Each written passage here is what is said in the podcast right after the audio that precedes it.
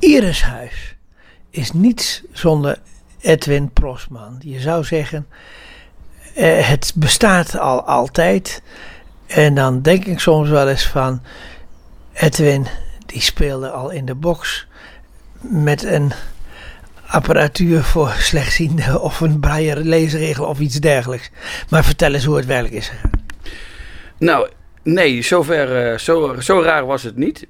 en zo vroeg was het zeker niet. Ik uh, ben geboren en getogen in Utrecht. En uh, we, eigenlijk hebben wij in onze familie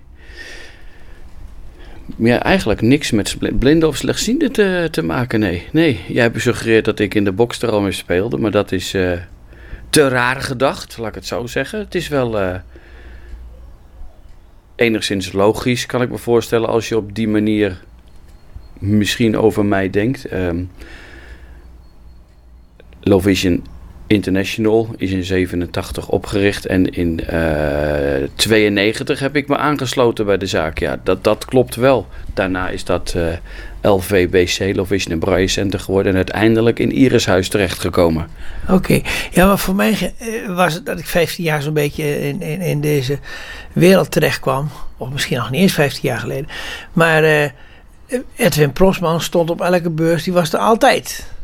Ja, sommige mensen vinden het leuk om beurzen te doen en uh, met mensen om te gaan, uh, je in te zetten voor de mensen. En uh, ik, was wel, ik ben wel altijd degene geweest die heel graag naar alle beurzen ging. Ja, daar heb ik me niet voor verstopt. Nee, dat klopt wel. Ja, maar ik wou het eigenlijk even hebben of van even een beeld geven, ook een klein beetje van wie is Edwin Prosman en in wat voor gezin ben je opgegroeid? Ik ben met een uh, christelijke achtergrond opgegroeid in Utrecht. Ik, heb, uh, ik kom uit een gezin met uh, zes kinderen. Dus dat is een relatief groot gezin. Zelf ben ik de gelukkige vader van vier zoons. Ehm, ja, lagere school in Utrecht gedaan. Middelbare school ook gedaan. elektrotechniekopleiding gedaan.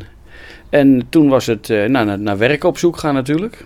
Toen ben ik uiteindelijk Middels het advies van mijn vader, die zei van... joh Edwin, jij moet wat met die elektronica-opleiding gaan doen. En dat is leuk en daar kun je van allerlei besturingen mee regelen. En dat is, dat is wel wat voor jou. Dus toen ben ik eigenlijk begonnen bij het onderdelenhuis. Zeggen jullie dat wat? Ja, dat zegt me wel iets. Je hebt, hebt hier in Groningen ook een uh, onderdelenhuis. Ja, het onderdelenhuis of handyman heet dat tegenwoordig oh ook. Ja, ja precies. Ja. Uh, ja. dat is de reparatie van uh, alle mogelijke witgoed, huishoudelijke apparaten en dergelijke. En daar ben ik eigenlijk ja, voor het eerst ook in contact met mensen gekomen, zeg maar. En uh, die geholpen met hun problemen. Met uh, de vaatwasser die het niet meer deed. Uh, de wasmachine die het niet meer deed. Het scheerapparaat wat er kapot ging. de keukenmixer en noem maar op. En die repareerden wij. Wij leverden daar onderdelen voor als de mensen ze gingen repareren. Wij adviseerden de mensen hoe moet je ermee omgaan. Wat kan je ermee? Wat moet je er absoluut niet mee doen? En maar, maar, vond je deze tak ook, ook leuk? Eh, speelde je ook al met radio's en dat soort dingen vroeger eh, als kind? Nee, niet met radio's en dergelijke. Wel met uh, batterijen. Want we mochten natuurlijk als kleine kinderen niet aan de stopcontacten zitten thuis. Maar wij, ik deed heel veel met batterijen, uh, met lampjes. Uh, groen lampje, dan was ik op mijn kamer. En rood lampje, dan was ik afwezig, weet je wel. Ik sliep op zolder. En dan had ik een uh, draadboompje gemaakt naar beneden. En dan kon je beneden bij de trap zien of, iemand, of ik op mijn kamer was. Hier hing ook een belletje, dan kon je mij roepen of zo, zulke soort dingen. Ja, met lampjes en batterijen, daar was ik altijd wel mee bezig, ja.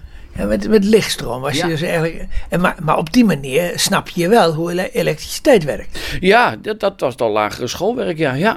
Ik had bijvoorbeeld ook op mijn fiets had ik drie achterlichten en zo, weet je wel. En twee voorlichten. En dubbele dynamo's. Anders had ik te weinig stroom om al die lampen aan te sturen, ja. Was dat lokkend voor de meisjes misschien? Nee, ja, ik weet het niet. Ik, ik denk dat ik meer zoiets had van... Uh, um, standaard vind ik niet leuk of zo. Ja, en en eh, eh, als je nou eens even naar, naar, jouw, uh, naar jouw gezin. je zei je vader die adviseerde je al daarin in te gaan. Maar waar zaten jouw eigen interesses?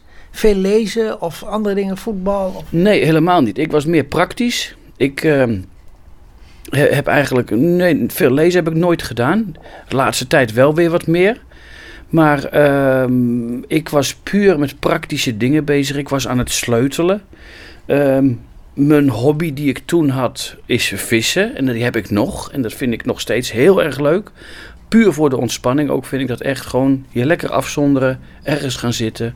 Rustig tot jezelf komen. Bij de natuur, met de natuur. Dat, eh, ja, en ja, elektronica, elkaar helpen, dat vond ik ook wel leuk. Mijn vader had altijd een winkel, daar heb ik ook veel in. eh Wa- Wat voor winkel? het was een doe-het-zelf winkel. Maar dat zat ook een beetje in, in die sector. Of een beetje die richting op. In welke richting bedoel je dan? Nou, eh, eh, knutselen. eh, ja, ja, absoluut, absoluut. Het, het was een, een, een, een Hubo. Ja. Hubo heette dat vroeger. En, en, en daarvoor was het een kleinere winkel, dat was de Woody. Mhm. En dat, ja, daar, daar verkocht ik ook al dingen. Daar adviseerde ik de mensen ook al met allerlei spullen. Ja, klopt. In, in de eh, hulpmiddelen. eh, eh, je kunt bijna een hulpmiddelenshop voor, voor normale mensen noemen. Nou ja, een bouwmarkt, hulpmiddelen, shop voor normale mensen. Dat is wel heel ver gedacht. Maar ik begrijp je woordspeling wel. Ja, zonder bouwmarkt en de hulpmiddelen die je daar tevoorschijn kan halen. kan je het thuis weer aangenamer maken, zal ik maar zeggen. Dat is wel heel breed gedacht. Maar ja, de mensen adviseren met verlichting ook weer. En de, de boutjes, moertjes, dingen in elkaar zetten. eh, de mensen kwamen soms ook vragen, weet je wel, kunnen jullie dit voor ons zagen? En dan gingen we uitrekenen van, joh, paste dat in een plaat? En dan gingen we dat zagen. En eh, zo praktisch mogelijk alles oplossen, efficiënt werken. Ja, Maar dan, dan, dan deed je aan praktische wiskunde. De, de, de- met Ja. met platen ge- gewoon zo voordelig mogelijk dingen uitzagen en zo. En, ja maar ik denk dat het ook een, een stukje is om, om alles zo optimaal mogelijk te gebruiken. ja, ja. Je, Maar eh, had jij ook eh, een beetje het idee om, om jouw vader op te volgen in de zaak? nee, daar heb ik eigenlijk nooit over nagedacht. Nee, nee. Nee, maar, nee, mijn vader die heeft eh 25 jaar een eigen winkel gehad en uiteindelijk is hij dan in loondienst weer verder gegaan. Maar nee, mijn bouwmarkt heb ik nooit op mijn verlanglijstje gehad. Nee, raar is dat. Weet ik niet. Nee, eigenlijk niet. Maar waar zaten wel jouw interesse? Waar, waar was je echt begeesterd door? Wat ik leuk vond is het, het samenspel van, van vraag en aanbod. Het, het omgaan met mensen. ehm, oplossingen zoeken voor mensen. Hulpvragen genereren. Ehm, ik denk ook dat het een beetje voortkomt uit, uit, uit, uit mijn opvoeding. Naaste liefde stond bij ons altijd heel hoog in het vaandel. We deden graag wat voor een ander. Je bent met anderen bezig, je helpt elkaar. Ja, ik, ik, ik denk dat ik daar wel een bepaalde drijf uit voortgehaald heb van... ehm, hoe moet je je leven inrichten? En, en ook, ik proef ook iets ondernemerschap. Ja, zeker. Ja, absoluut. Ja, dat was eh, heel duidelijk, ja. Ja. Ja, dat was vroeger al zo. Ik bedoel, wij hadden vroeger eh, op school, zou ik ook nooit vergeten, ja. Kwamen er op een gegeven moment, je krijgt natuurlijk zakgeld allemaal. En eh, de kantine op school, dat waren de standaard dingen, dat was nooit lekker genoeg. Dus ik ging altijd 's morgens naar de sigarenboer. En dan kochten we die, van, van die doosjes met die feierballen. En die, die gloeiende hete dingen, weet je, in je mond. En die verkocht ik dan weer per stuk. En zo ging ik van iets, maakte ik weer... Of van eigenlijk van niets, weet je. Je, je krijgt een euro of twee zakgeld en daar guldens natuurlijk toen nog. En dan probeer je er wat meer van te maken. En dan kon je dan weer spullen voor kopen voor, je, voor, voor het vissen of zo, weet je wel. Handelsmannetje en dop. Ja, misschien, ja. Nooit zo gerealiseerd, maar ja, toen is het al wel begonnen, ja. Ja. En, en was dat dat ondernemerschap, zat dat gewoon bij jullie in de familie? Want jouw vader was het in feite en jij. En, Eigenlijk is het, eh, kom ik wel uit een ondernemersfamilie. Gezin kan ik nu ook wel zeggen. Ehm, mijn opa had een wasserij. Mijn andere opa was schilder. Ehm, mijn vader had dan een, een doe-het-zelfzaak. Eh, wat ik nu terugzie in ons eigen gezin... is dat mijn broertje staat in een snoepwinkel. Die heeft een snoepwinkel, sorry, ik moet goed zeggen. Heeft hij ook overgenomen inmiddels. Ehm, en mijn zwagers zijn allemaal ondernemer op één na. Ja. Dus dat is wel, ja, wel een ondernemersfamilie, ja. ja. Nou dan komt het toch even uit zo in een interview, hè? Maar, eh, eh, maar hoe kwam jouw interesse bij elektronica of e- e- elektriciteit? Dat is eigenlijk vanuit school gegaan. Ik vond het heel moeilijk om te kiezen. Eh, ik heb daar een eh, test gedaan, studiekeuze. En daar kwam toen uit dat ik of iets met de natuur moest gaan doen, boerderij, beesten en weet ik het allemaal, of, ele of elektro elektrotechniek. En ehm, toen heb ik eigenlijk voor elektrotechniek gekozen. Ja, want een boer, ja, dat vond ik toch niet alles. Elektrotechniek sprak me meer aan. De verlichting, de lampjes, het zelf kunnen sturen van dingen, het niet afhankelijk zijn van het weer. En uh, dat ben je met het boerenleven natuurlijk wel.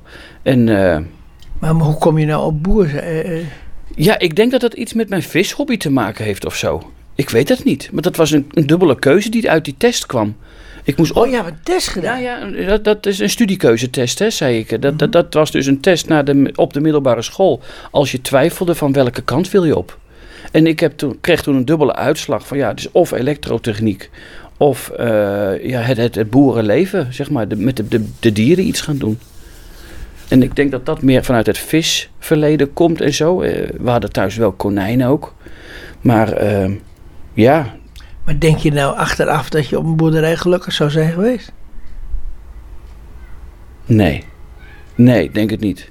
Maar als het andersom geweest was, had ik ook niet, had ik ook niet geweten of ik voor elektrotechniek dan gelukkig had kunnen worden. Precies. En, en daar gaan we straks even op door in jouw eerste beroep.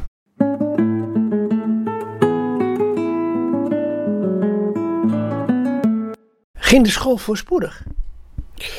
Ja, wat is voorspoedig? Uh, net wat je iedereen waarschijnlijk wel meemaakt. Uh, school is niet leuk, hè?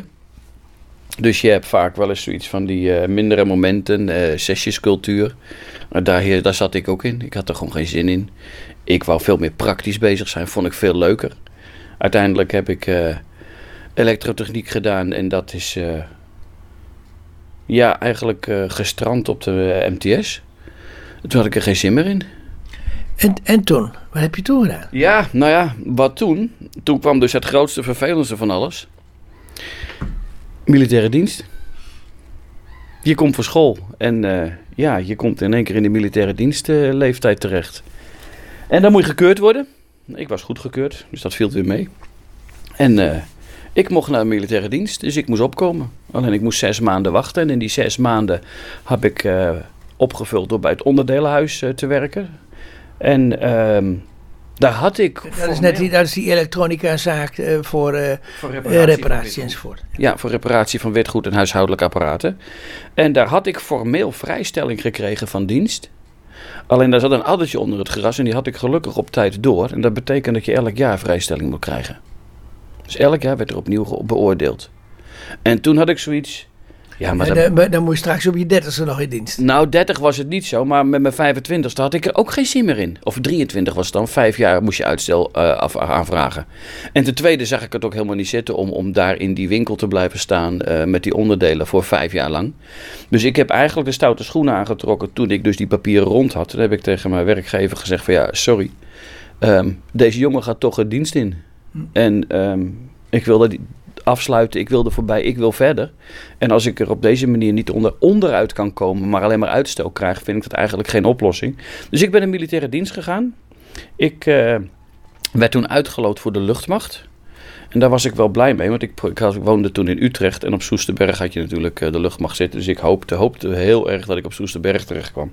Ik heb in Nijmegen bij de Limos uh, de opleiding gedaan. En, uh, wat is de LIMOS? Luchtmacht Instituut Militaire Opleidingsschool. Ja, sorry. Ja, dat is voor iedereen niet duidelijk. nee, dat begrijp ik, dat begrijp ik. En ik ben toen op Soesterberg terechtgekomen. En daar heb ik mijn diensttijd uit uh, gezeten. Maar, maar, heb je nog iets, iets uh, nuttigs kunnen doen of ervaringen opgedaan die voor je latere leven belangrijk zijn? Ja, um, ik heb daar wel leren samenwerken met mm, heel veel mensen. En ook met de Amerikanen. En dat was natuurlijk wel leuk, want ik kwam van de LTS, MTS af en je hebt een heel klein beetje Engels. En ja, zie je dan maar eens verstaanbaar te maken terwijl jij met technisch Engels opgevoed bent. En dan moet je daar in één keer met uh, ja, praktisch Engels en, en het communiceren. En dat uh, viel niet mee. Het was een harde leerschool. Ik heb nog wel een opleiding telematica daar gedaan in, uh, op kosten van het Rijk. En daar was ik wel blij mee. En vervolgens toen ik eh, daar in Soesterberg kwam, werd ik gelijk gebombardeerd tot uh, corporaal. Want ik was soldaat eerste klas geworden. Dus ik kreeg gelijk twee man onder me te staan. En dat was wel leuk. Dan kun je gelijk leren delegeren, leren aansturen. En het met mensen leren, ja, vanaf hogerhand leren besturen.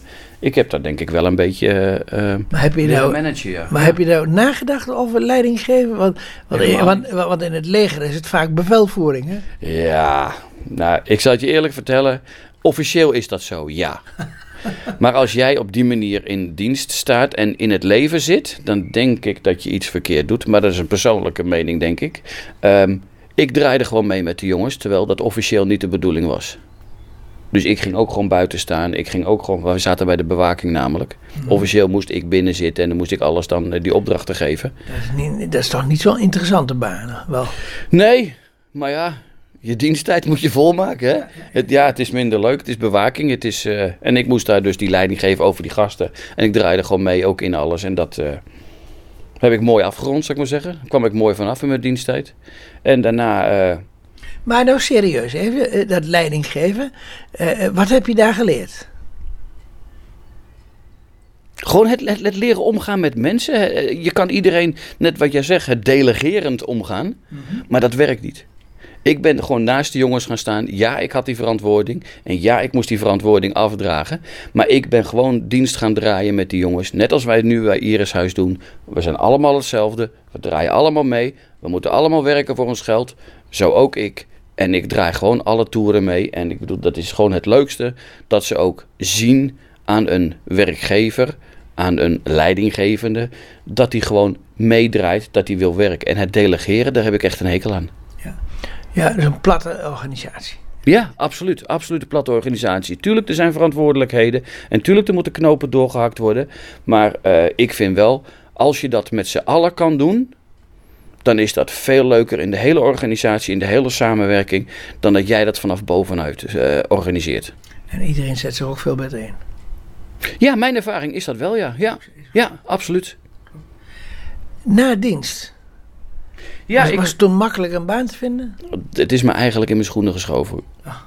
Dat is heel raar gezegd. Eh, heb je zulke grote schoenen? Uh, op dat moment wel, ja. Ik had, kist, ik had kisten aan. Dienstkisten, je weet wel, die hele hoge. Nee, ik uh, kwam thuis uit de nachtdienst en mijn vader had die adverten een advertentie gevonden. Men zocht iemand.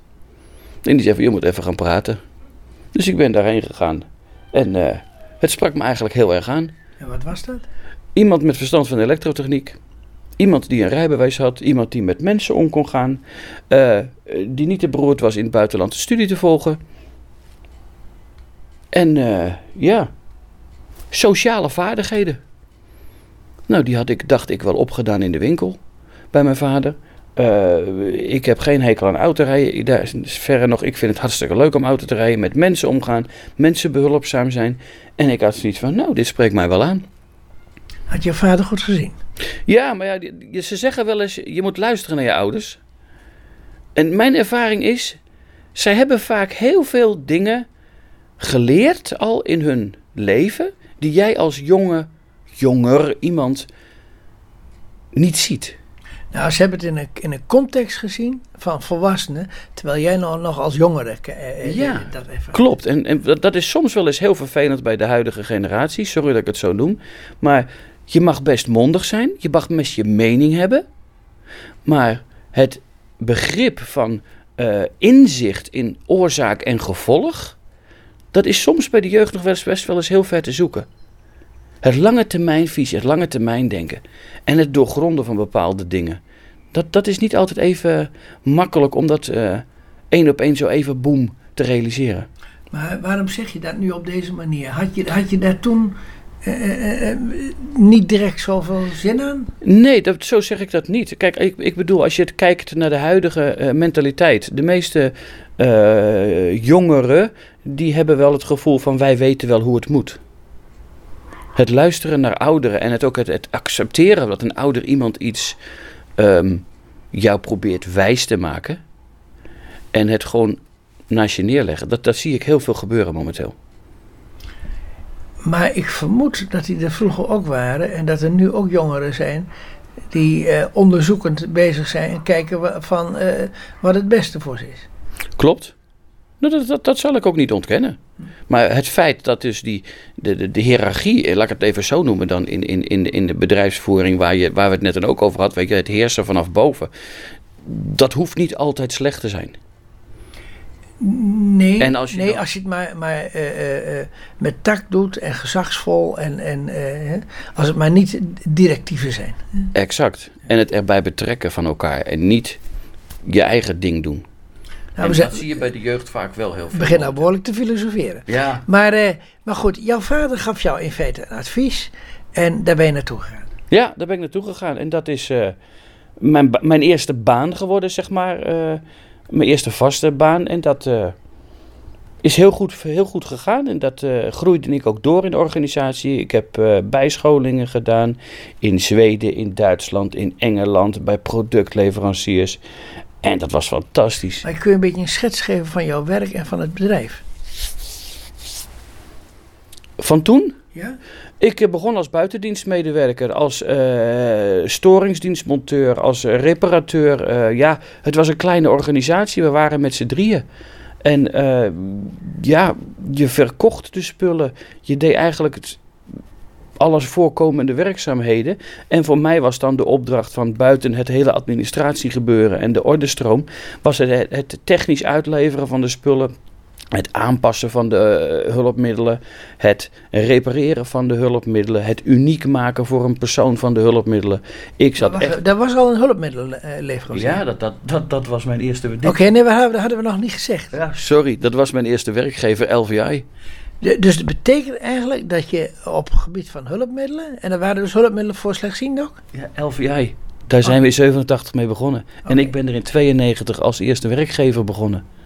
Werknemer. Werknemer, ja. Ja, dat, dat was mijn eerste werkgever. En ik ben er nooit meer weggegaan. Oh, oké. En Maar je bent in feite door toeval ben je in de hulpmiddelenbranche gekomen. Ja, als je het zo wil bekijken, dat is absoluut waar. Ik heb eh, nergens eh, naar gezocht of dat punt. Ik werd er, echt- ben er echt zo ingezogen. Aan je vader te danken. Uiteraard. En, maar hoe ging dat die eerste periode?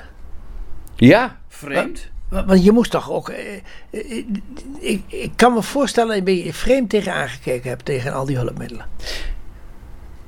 De eerste kennismaking is heel vreemd. Je weet niet wat je meemaakt, je weet niet wat je ziet, je kent het niet, je, je weet niet wat het is, je weet niet wat het doet.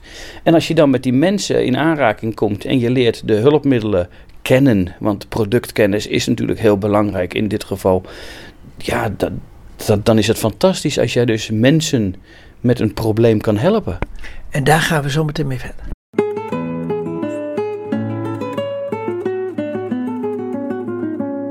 Die eerste werk, en dan direct ook een hele, in een hele vreemde branche. Eh, wa- wat voor hulpmiddelen waren er toen al? Eh, de hulpmiddelen die wij toen verkochten, dan moet ik goed nadenken. Dat is 92 geweest. De, wij waren toen leverancier van LVI, Low Vision International. Dat was een Zweedse organisatie. Dat waren de beeldschermloepen.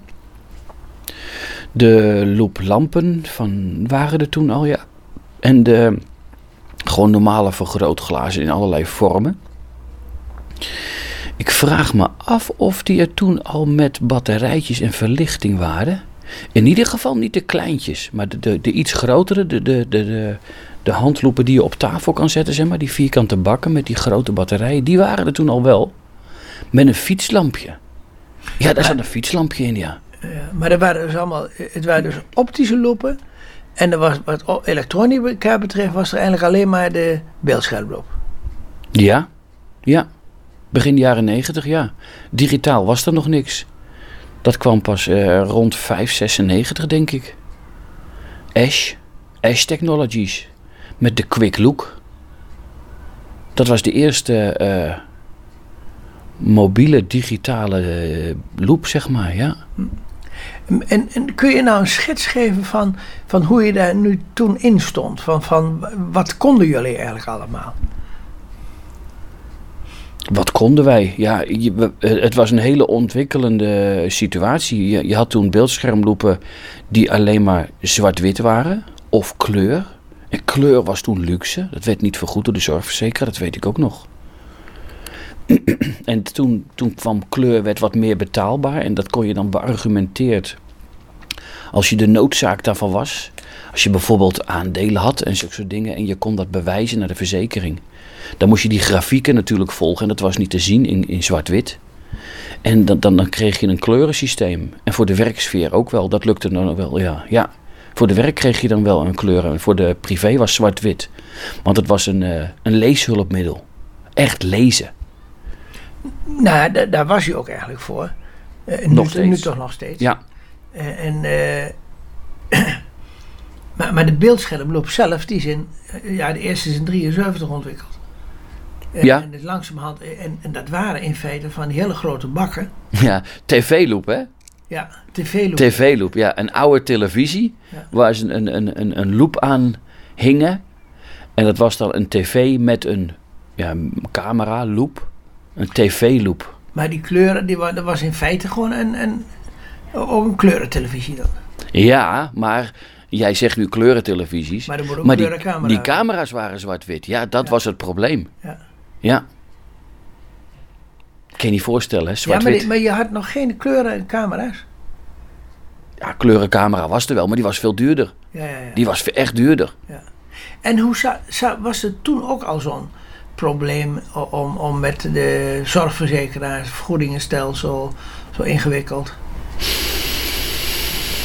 Nou, ik denk dat het probleem zich wel een beetje geëscaleerd is de laatste tijd. Ehm, ja, er moest een aanvraag plaatsvinden. Eh, je moest gemotiveerd weergeven naar de zorgverzekeraar waarom je een hulpmiddel nodig had. Dat wel. Ehm, maar er waren niet hele strakke contractafspraken of leveringscontracten. Dat was meer een, een, een open communicatie met een, een, een zorgaanbieder en een zorgverzekeraar. Dat was niet zo dat, eh, zoals nu, dat alles, eh, de prijzen gewoon zwaar onder druk staan. En je eigenlijk alles voor bodemprijzen moet leveren en, en uitgeklede situaties. Nee. Nee, dat ging toen wel iets makkelijker, ja. Ja. En ging je toen ook met, want je had dus hulpmiddelen voor slechtzienden, Mhm. maar de- deden jullie ook aan hulpmiddelen voor blinden? Wij zijn, moet ik het goed zeggen, rond de jaren 95 hebben wij een collega erbij gekregen die eh, vanuit Engeland kwam. Eh, Nigel. En die ehm, is zich helemaal gaan richten toen op het braille-gebied binnen onze organisatie. Dus die, heb, die is wel binnen eh, onze LVI gekomen toen. Ja, want in 98 was het LVBC, dus LVI-tijd nog, ja. En toen is hij met ehm, de Papenmeijer Braille leesregels eh, geïntroduceerd in Nederland. En ook aan de Nederlandse markt. En dat was in de tijd van Windows 3.11.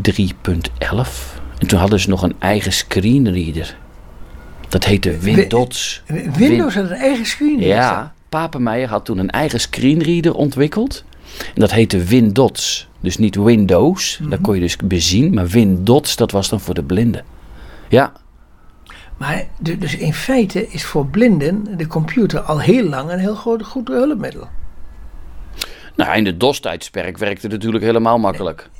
Oh ja? Ja, in de DOS-tijdsperk werkte gewoon alles. Dat, dat, dat was niet zo moeilijk. Maar ja, toen kwam Windows en dat werd grafisch. En dat was een probleem. Kijk, Win, eh, DOS is gewoon ASCII-tekens. Dat kun je zo vertalen. Dat is niet zo moeilijk. Dat gaat gewoon redelijk eenvoudig. Maar eh, de, Oh, je, je bedoelt vertalen naar spraak. vertalen naar braille.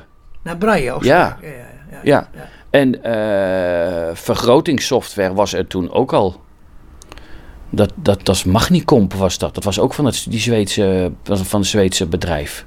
Dat was ook een, eh, een, een, een DOS-software. Daar kon je dus eh, WP51 Goh. en dergelijke kon je daarmee eh, vergroten. Kleuren instellen, muizen vergroten.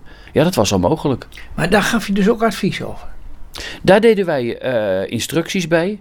Die implementeerden wij naar de wens van de klanten. We pasten de computers ook aan hoe de klanten ze hebben willen met batch files. Die programmeerden we, die, die maakten Oh ja. we zelf. Ja. En dan kon je dus eh, schermpjes maken waar je zelf de keuzes maakte. Wat moet er opgestart worden met vergroting, zonder vergroting, in een bepaalde kleursetting. Hm. Daar kon je heel veel leuke dingen mee programmeren. Ja, ja.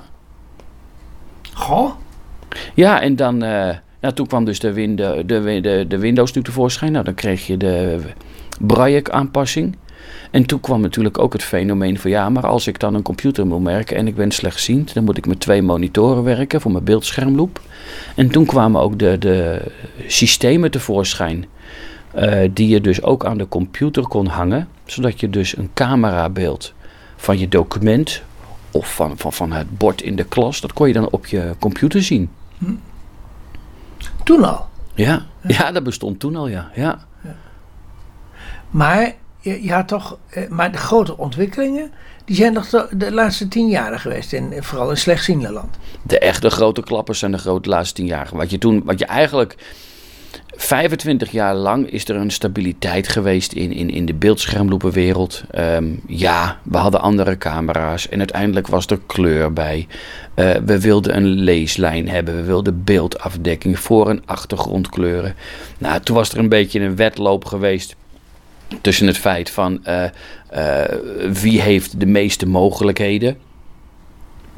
Dan denk ik aan, aan, ja, die afdekkingen en die, leeslijnen en dergelijke. Toen waren de voor- en achtergrondkleuren. Nou, toen kreeg je natuurlijk het feit, en op een gegeven moment hadden we zoveel knopjes, de mensen wilden geen knopjes meer hebben. Platte monitoren kwamen toen ook net in. Ja, het waren allemaal hele kleine aanpassingen die eigenlijk geen innovatieve effecten hadden. Maar die platte monitoren waren op een gegeven moment, dat was in 2008 geloof ik, 2007, 2008. Ja. Zoiets eh, dat die platte monitoren kwamen, maar die, die hadden een, een, een te lage verversingssnelheid. En daardoor wankelden de letters over het beeldscherm. Hè? Ja, die vervaagde, hè? Ja. Ja, ik heb toen wel eens eh, gezien op een CISO-beurs, daar lag er geen tekst onder, maar een foto. Dat is toch een mooie manier om iets te laten zien. Ja, precies. Oftewel, oma, oma kan, het, eh, kan de foto van het kleinkind nog heel goed Ja. zien, maar lezen kan ze er niet mee. Nee, dat, ja, nou ja, dat zijn jouw woorden. Lezen lukt ook Ja, wel. nee, maar, Maar ik begrijp wel wat je bedoelt, Dat is een beetje heel strak gezegd, maar, maar, eh, Klopt, klopt. Ja, en eh, maar in feite heeft dat jaren geduurd. toen kwam in 2005 eigenlijk de eerste innovatieve ontwikkeling. Weet jij nog wat het is? Nee? De MyReader. Oh ja, oké. De MyReader, dat was eh, ook van Humanware, waar we nu ook zaken mee doen. Dat was een opvouwbare beeldschermloop. Maar het leuke ervan was, is dat we dus een, een foto maakten van de tekst die eronder ligt. En dan konden we kiezen, ik wil een pagina weergave hebben, dus de ouderwetse beeldschermlooppresentatie. Ik wil een kolom weergave hebben. Dan werd de tekst verbouwd naar schermbreed. Ja. Of ik wil een regelweergave hebben. Dat is eigenlijk de eerste grote innovatie geweest in, op het gebied van, van beeldschermloepen. En op een of andere manier, of dat nou de techniek in één keer zo hard ging, of dat de concurrenten wakker geschud zijn, ik weet het niet. Maar sinds die tijd is er wel heel veel eh, ontwikkeld en veranderd in het beeldschermloepenwereldje. En ja, er moet er één de eerste zijn, zeg ik altijd, hè? Nou ja, zeker. En, eh, en, en over die ontwikkelingen gaat direct even verder. Oké.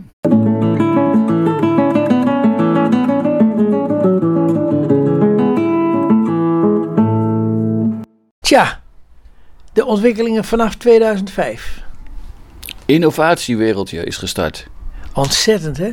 Er zijn En, een hoop- en, en is dat nou een strijd tussen, wa- wat ik wel eens noem, e- e- ele- elektronica en, en glas? Elektronica en glas, daar bedoel je mee beeldschermloepen en optische hulp? Optische hulpmiddelen. ja. Ehm, nou, weet ik niet. Ik denk dat het technische ontwikkeling is in de wereld, dus niet in de branche, maar in de wereld, eh, door verkleining van elektronica, de chips, de SMD, wat het mogelijk maakt, ook in de slechtziende en blinde wereld, om, om, om dat toe te passen.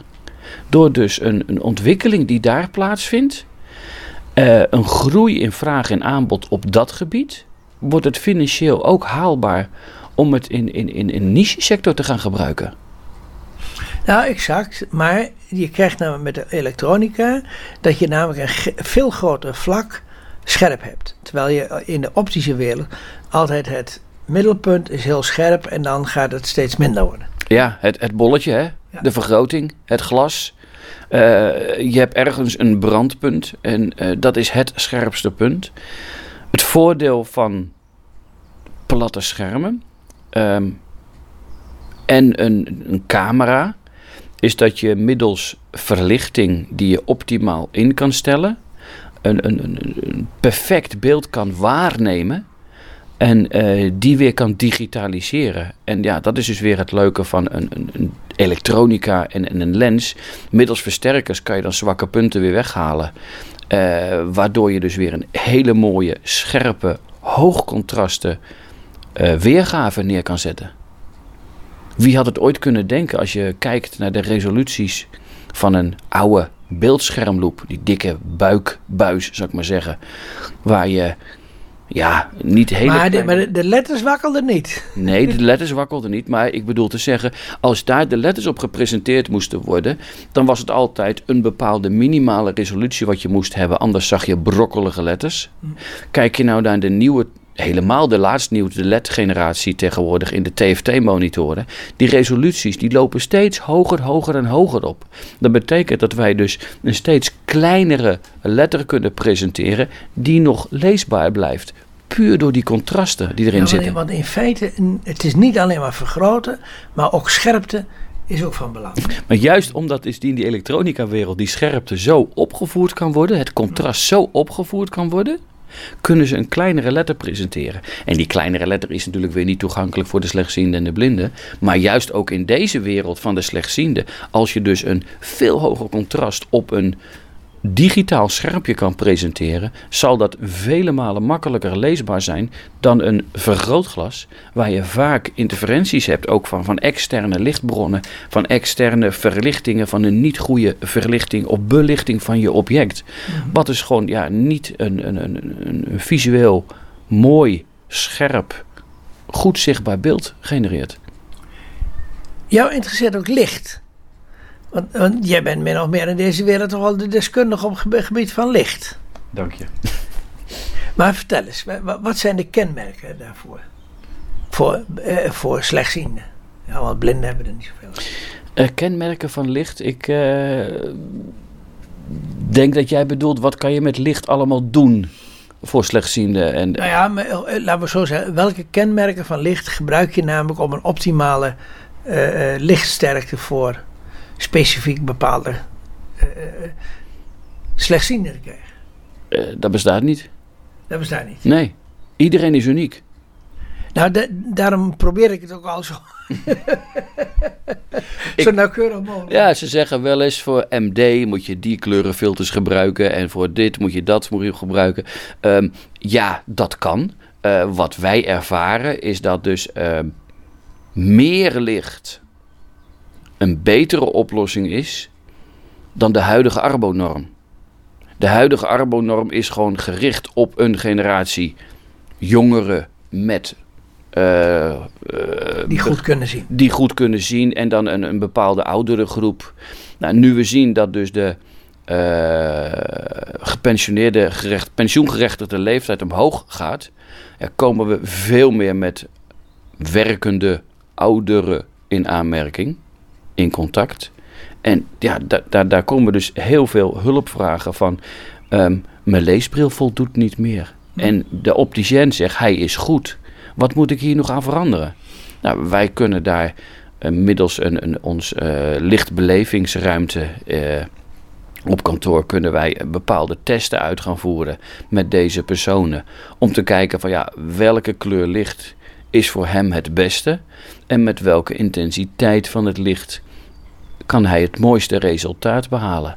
En wat we daar heel duidelijk ervaren is dat dus gewoon alle, ja eigenlijk kan ik het zo zoeken, nagenoeg alle kantoorverlichting is, indirecte, is directe verlichting. Dat is de, de, met reflectoren uitgevoerd.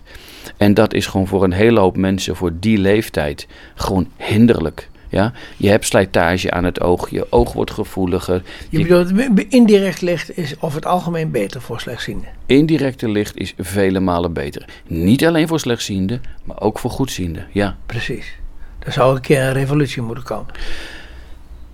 Ja, revolutie. Ehm, we zitten weer met een ander probleem natuurlijk. Uh, huurpandjes. Uh, er zijn geen eigendomspanden. Uh, wie gaat die verlichting betalen? Wie gaat dat zomaar aanpassen? Het belang van verlichting hebben wij natuurlijk jaren geleden al, al, op, al aangekaart en neergezet. En dat is iets wat gewoon ook een beetje ehm, toen nou ja, ik wil niet zeggen belachelijk gemaakt werd, maar wel aan de kant geschoven werd. En als je ziet hoe adviseurs daar nu mee omgaan. En er is gewoon veel meer belang gekomen hoe, hoe verlichting meespeelt in, in je hele levenscyclus. Want wat dus de meeste mensen ook niet weten, naast de kegeltjes en de staafjes in je ogen heb je ook fotoreceptoren in je ogen zitten. En wat dus heel belangrijk is, is dat die fotoreceptoren invloed hebben op je biologische lichaam. Dus jij kan nog zo goed of zo slecht zien. Maar wat, wat, doen fotoreceptoren eh, precies? Eh, die fotoreceptoren die absorberen het licht, het daglicht, het zonlicht. En die zetten daarmee jouw biologische klok op de juiste tijd. Als jij consequent in een donkere kamer gezet wordt, dan word jij gewoon niet die 24 uur cyclus meegegeven. Ja, dan 24,5 of zo. Nou, dat weet ik niet. Het wordt heel raar in ieder geval. Ik weet ook met de Olympische Spelen, die vinden plaats in verschillende landen met verschillende tijden. Er zijn speciale begeleiders die met lichttherapie de Olympische sporters behandelen om hun biologische klok op het tijdstip te zetten zoals het daar is. Waarom? Als jij s'nachts moet presteren, of s ochtends vroeg of s avonds, dat werkt niet voor je lichaam. Ja?